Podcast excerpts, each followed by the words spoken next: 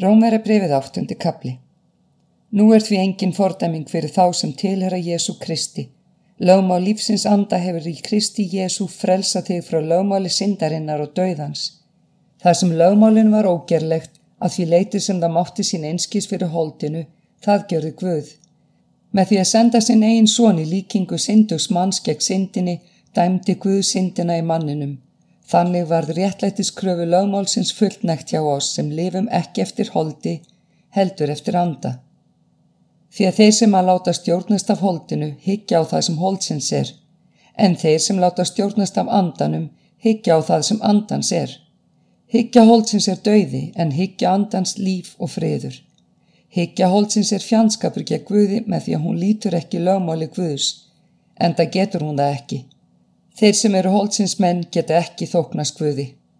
En þér eruð ekki holtsinsmenn, heldur andansmenn þar sem andi Guðs býr í yður. En hafi einhver ekki anda Krists, þá er sá ekki hans. Ef Kristur er í yður, þá er líka minn að sönnu dauður vegna syndarinnar, en andin veitir líf vegna réttlætti sinns. Ef andi hans sem vakti Jésu frá dauðum býr í yður, þá mun hans sem vakti Krist frá dauðum einnig gjöra dauðlega líkama eða levandi, með anda sínum sem íður býr. Þannig erum við, bræður, í skuld, ekki við holdið að lifa að hætti holdsins, því að ef þér lifið að hætti holdsins, munið þér deyja, en ef þér deyðið með andanum gjörði líkamanns, munið þér lifa.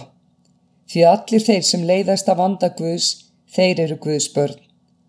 En þér hafið ekki fengið anda sem gjörir yfir að þrælum að lifa aftur í hræðslu heldur hafið þér fengið anda sem gefur yður barnarétt.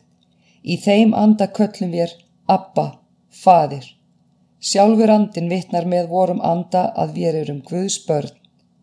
En ef við erum börn, þá erum við líka erfingjar og það erfingjar Guðs en samar var Krist, því að við líðum með honum til þess að við einnig verðum veksamlegir með honum. Ég lít svo á að ekki séu þjáningar þessa tíma neitt í samanbörði við þá dýrð sem á osmun opimberast, því að sköpunin þráir að Guðs börn verði opimber. Sköpunin var undirorpin fallvalleikanum, ekki sjálfviljug, heldur vegna hans sem varpenni undir hann. Ég vonum að ég vil sjálf sköpunin muni verða leist úr ánuð forgengileikans til dýrðarfrelsis Guðs barna. Við vitum að öll sköpunin steinur líka og hefur fæðingarhýðir allt til þessa, en ekki einungis hún heldur og við sem höfum frumgróða andans, já vil við stinju með sjálfum oss meðan við býðum þess að Guð gefi oss barnarétt og endurleysi líka með vora. Því að í voninni erum við hólknir orðnir. Von er sérst er ekki von, því að hver vonar það sem hann sér, en ef við vonum það sem við sjáum ekki, þá býðum við þess með þólinnmæði. Við vitum ekki hvers við eigum að byggja eins og ber en sjálfur andin byður fyrir oss með andverpum sem ekki verður orðum að komið. En hann sem hjörtun rannsakar veit hver er higgja andans og hann byður fyrir heilugum eftir vilja Guðs. Við vitum að þeim sem Guð elska samverkar allt til góðs, þeim sem kallaðir eru samkvæmt ákvarðum Guðs. Því að þá sem hann þekkti fyrirfram hefur hann og fyrirhugað til þess að líkjast mynd sonar síns svo að hann sé frumburður meðal margra bræðra. Þá sem hann fyrirhugaði, þá hefur hann og kallað og þá sem hann kallaði, hefur hann og réttlægt. En þá sem hann réttlætti, hefur hann einnig veksamlega gjört.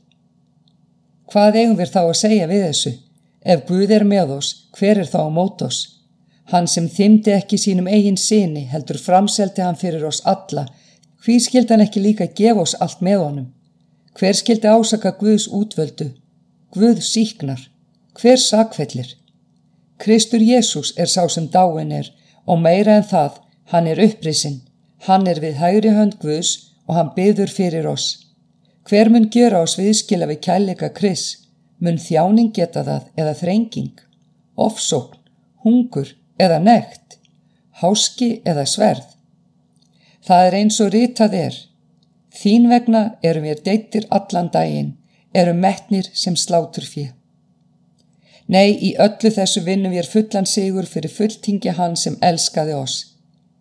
Því að ég er þess fullvis að hvorki döiðin ég líf, englar nýja tignir, hvorkið yfirstandandi nýjahið ókomna, hvorki kraftar, hæð nýja dýft, nýja nokkuð annað skapað muni geta gjört og sviðskila við kærleika Guðs sem byrtist í Kristi Jésu drottni vorum. Rómverabrefið nýjundi kapli Ég tala sannleika í Kristi, ég líga ekki. Samviska mín vittnar það með mér upplýst af heilugum anda að ég hef frið mikla og sífælda kvöl í hjarta mínu. Ég geti óskað að mér veri sjálfum útskóða frá Kristi ef það erði til heitla fyrir bræður mín og ættmenn, Ísraelsmenn. Þeir fengu svona réttin, dýrðina, sáttmálana, lögifina, helgihaldið og fyrir heitin. Þeim tilhera og feðurnir og af þeim er Kristur komin sem maður, hann sem er yfir öllu, Guð, blessaður um aldir. Amen.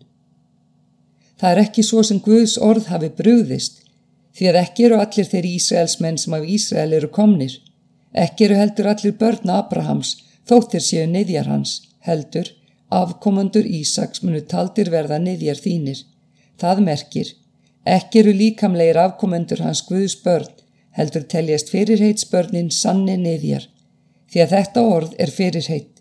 Í þetta mund mun ég aftur koma og þá skal Sara hafa svon alið.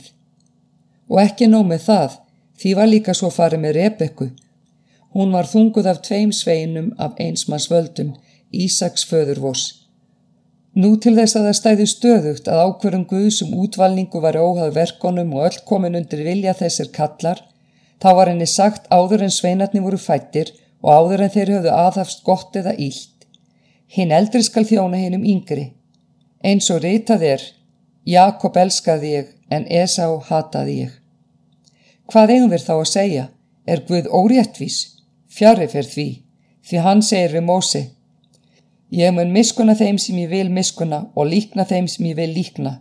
Það er því ekki komið undir vilja mannsins ný árenslu, heldur Guði sem miskunar. Því er í reytingunni sagt við fara á. Einmitt til þess hóf ég þig að ég fengi sínt mátt minn á þér og nafn mitt er þið bóðað um alla jörðina. Svo miskunar hann þá þeim sem hann vill en forherðir þann sem hann vill. Þú mynd nú vilja segja við mig, hvað er hann þá ásaka ás framar, hver fær staðið gegn vilja hans? Hver er þú maður að þú skuli deila á Guð? Hvort myndi smíðisgripurinn segja við smiðin, hví gjörði þú mig svona? Eða hefur ekki leirkjara smiðurinn leirin á valdi sínu svo að megi gjöra úr sama deginu kér til sæmdar og annað til vannsæmdar? En ef nú Guð sem vildi sína reyði sín og auglísa mátt sinn hefur með miklu langlindi umborið kér reyðinar sem búin eru til glötunar. Og ef hann hefur gjört það til þess að auðlisa ríkdóm dýrðar sinnar og kérum miskunarinnar sem hann hafi fyrirfram búið til dýrðar. Slík kér erum við sem hann hefur kallað, ekki aðeins úr flokki geðinga, heldur og úr flokki heiðingja, eins og hann líka segir hjá Hósea. Líð minn sem ekki var minn mun ég kalla minn, og þá elska það sem ekki var elskuð, og á þeim stað þar sem við þá var sagt þér eruð ekki minn líður, þar munu þeir verða kallaði sinir Guðs lifanda. En ég segja hrópar yfir Ísrael, þó tala Ísrael svona væri eins og sandur sjávarins, þá skulu leifar einar frelsaðar verða.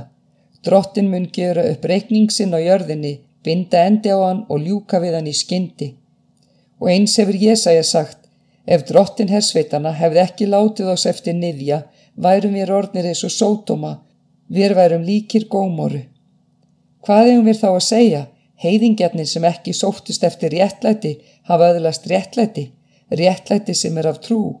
En Ísrael sem vildi halda lögmálir veikjæti réttlæti náðu því ekki. Hvers vegna? Af því að þeir ætluðu sér að réttlætast með verkum, ekki af trú. Þeir hnutu um ásteytingarsteinin eins og ritað er. Sjá ég seti síjón ásteytingar stein og hrösunarhellu. Sér hver sem á hann trúir mun ekki verða til skammar.